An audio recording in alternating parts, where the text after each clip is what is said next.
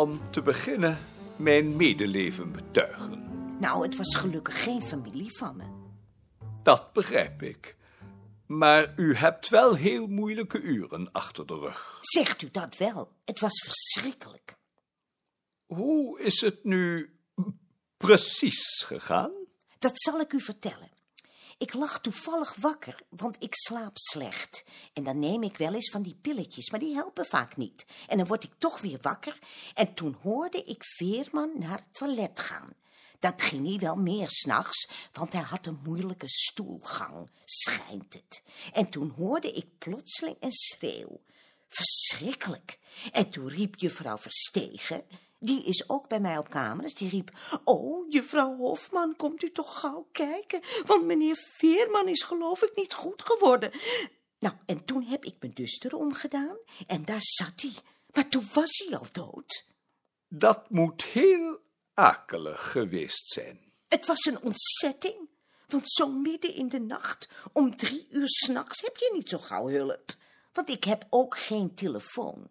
Zodat toen die eindelijk kwam, toen was hij al helemaal stijf. Ze konden hem niet eens zijn kamer in krijgen, want het is een grote, zware man. En toen hebben ze hem in de gang gelegd en daar heeft hij tot acht uur gelegen. Heel akelig. Ik neem nooit meer een man op kamer. Dat begrijp ik. Maar waar ik nou voor kwam, dat is dat Veerman, die had nog wat huurschuld bij me.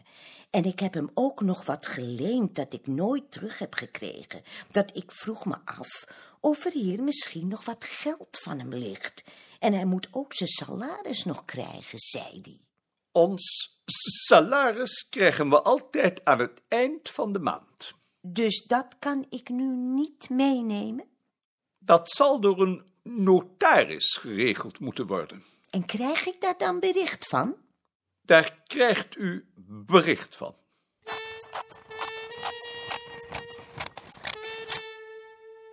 Wat denkt zo'n vrouw wel?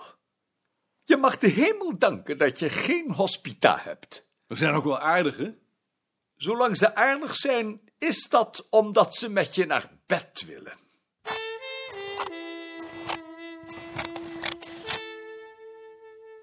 Ze hebben gisteren ruzie gehad, hè? Wie? Een Beerta en Veerman. Of dat, dat hij altijd zo lang weg is tussen de middag. Een ruzie is wat te sterk. Ja, ik weet het niet hoor. Dat zegt Dientje. Ze zegt dat daar die broerte wel van zal hebben gekregen. Hoe weet ze dat nou? Zoiets kun je toch nooit zeggen? Tuurlijk niet. Dat, dat weet niemand toch? En dat moet zij zeggen. Terwijl zij elk ogenblik beweert over hem ging klagen. Zij en Meijerink. Ze is zelfs nog een keer naar Van der Haar geweest om haar beklag te doen. Oh ja, waarom? Ja, weet ik veel. Omdat hij zich nooit aan zijn tijden hield en zo. En omdat hij maar van sociale zaken was. Maar dat heb ik je niet verteld hoor. En, en die vrouw? Wat moest die vrouw bij Beerta? Dat was een hospitaal. Die heeft hem gevonden. Op zijn bed? Nee, op de wc. Op de wc? Dientje zei dat hij in zijn slaap overleden was. Nee, op de wc.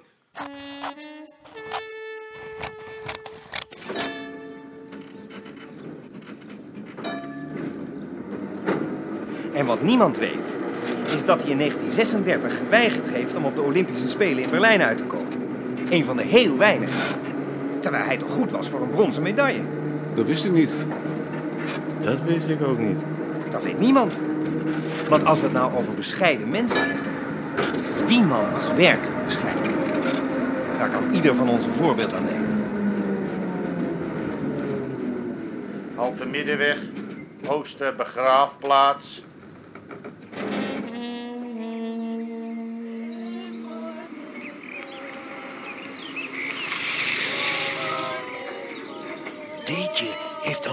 Gekocht. En ze heeft het bier genoemd. Naar mij dus.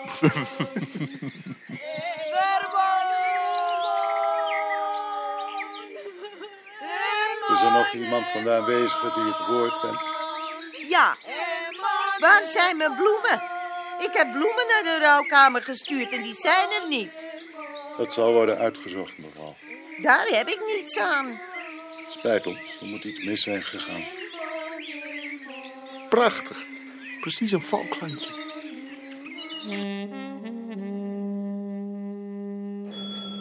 Wat waren dat voor vrouwen? Eén van die twee moet mevrouw Veerman geweest zijn. Was hij getrouwd? Veerman heeft een keer een Turkse getrouwd toen hij weer eens in geldnood zat. Daarin was hij vindingrijk.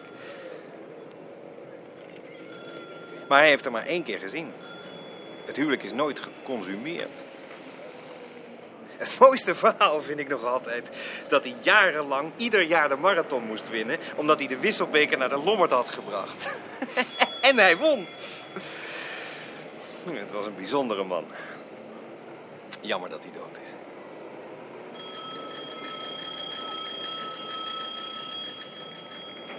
Had jij al eens eerder iemand begraven? Alleen maar grootouders. Jij? Mijn moeder. En een leraar van mijn school. Bij zijn graf zong het schoolkoor... O Heer die daar des hemels tenten spreidt. Dat vond ik prachtig. Ja. Wat vond jij van Veerman? Ik vond hem wel aardig, geloof ik. Hoezo? Ik heb eigenlijk nooit contact met hem gehad. Nee, misschien niet. Omdat je een tulp voor hem had meegebracht. Dat was gek. Ik vond het heel aardig. Dat was omdat ik dacht... Ik denk dat hij eenzaam was, denk je niet? Ja, dat denk ik ook. Het is wel ontzettend mythisch weer. Ja, om begraven te worden, bedoel je. Neem me niet kwalijk, dat mag ik natuurlijk niet zeggen. Je mag alles zeggen.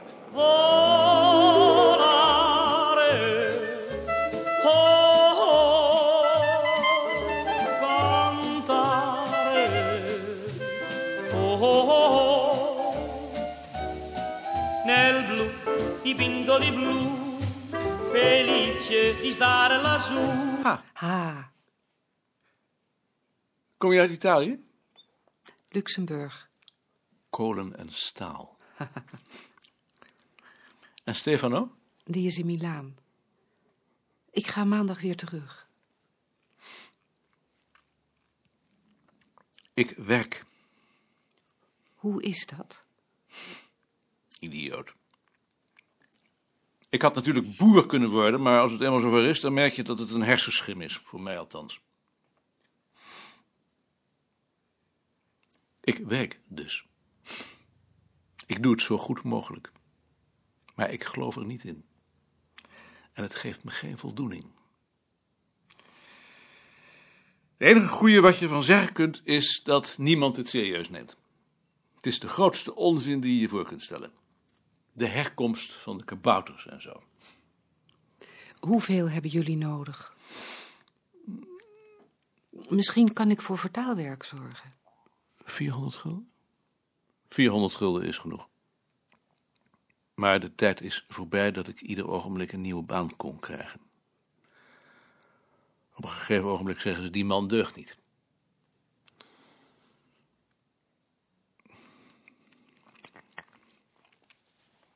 We hebben een nieuwe jongen op het bureau, Frans Veen. Onderwijzer geweest. Kon geen orde houden. Daarna bureau voor statistiek. Vond hij verschrikkelijk. Nijhuis. SS'er. Heeft als vrijwilliger in Indonesië gevochten. Keihard. Liet hem dat uitleggen. Dat kon hij natuurlijk niet. Hij dacht dat het wel aan hem zou liggen. Daar begreep Nijhuis natuurlijk niets van. Die dacht, daar is een steekje aan los. Hij vroeg waarom hij dat dacht. Dat denk ik altijd, zei de jongen. In de ogen van Nijhuis het stomste wat je zeggen kunt. Dat moet een aardige jongen zijn. En toen ontdekte D. Haan dat hij een gat in zijn verleden had. Op zijn achttiende van de HBS gekomen. En pas op zijn 21ste naar de kweekschool. En tot overmaat van ramp hoorde Nijhuis van het Bureau voor Statistiek dat hij eens over druivenplukken heeft gehad. U bent toch geen zwerver? vroeg hij.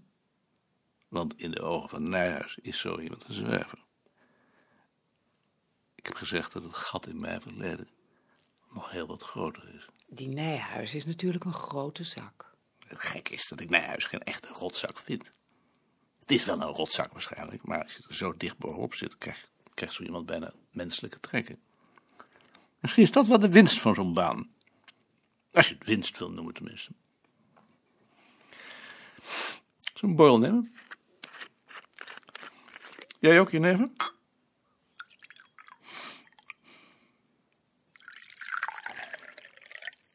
En, ehm,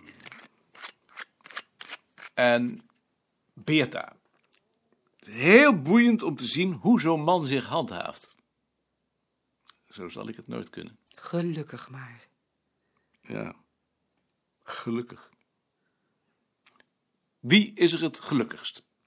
Beerta of wij? Beerta, denk ik. Op de lange duur tenminste. Ja, maar dat is dat. Dat is wat Paul altijd zei. Precies. Oh, oh, oh, nel blu degli occhi tuoi blu, felice di stare qua giù con te.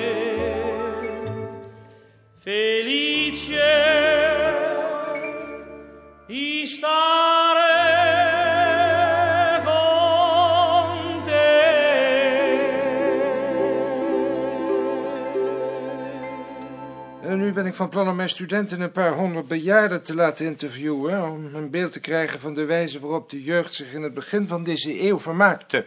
Een ogenblik. Vindt u het goed dat ik de heer Koning uitnodig om bij dit gesprek aanwezig te zijn? De heer Koning interesseert zich namelijk bijzonder voor bejaarden. Graag. Kom je er even bij? Maarten Koning. Hussem. Professor Hussem wil een paar honderd bejaarden interviewen en hij zal zich zeker interesseren voor jouw ervaringen. Ik heb geen ervaringen. Jawel, je bent nog onlangs in Drenthe geweest om bejaarden te interviewen. Maar dat was een mislukking. De heer Koning heeft één slechte eigenschap, en dat is dat hij zichzelf onderschat. Ook een mislukking kan voor een ander leerzaam zijn.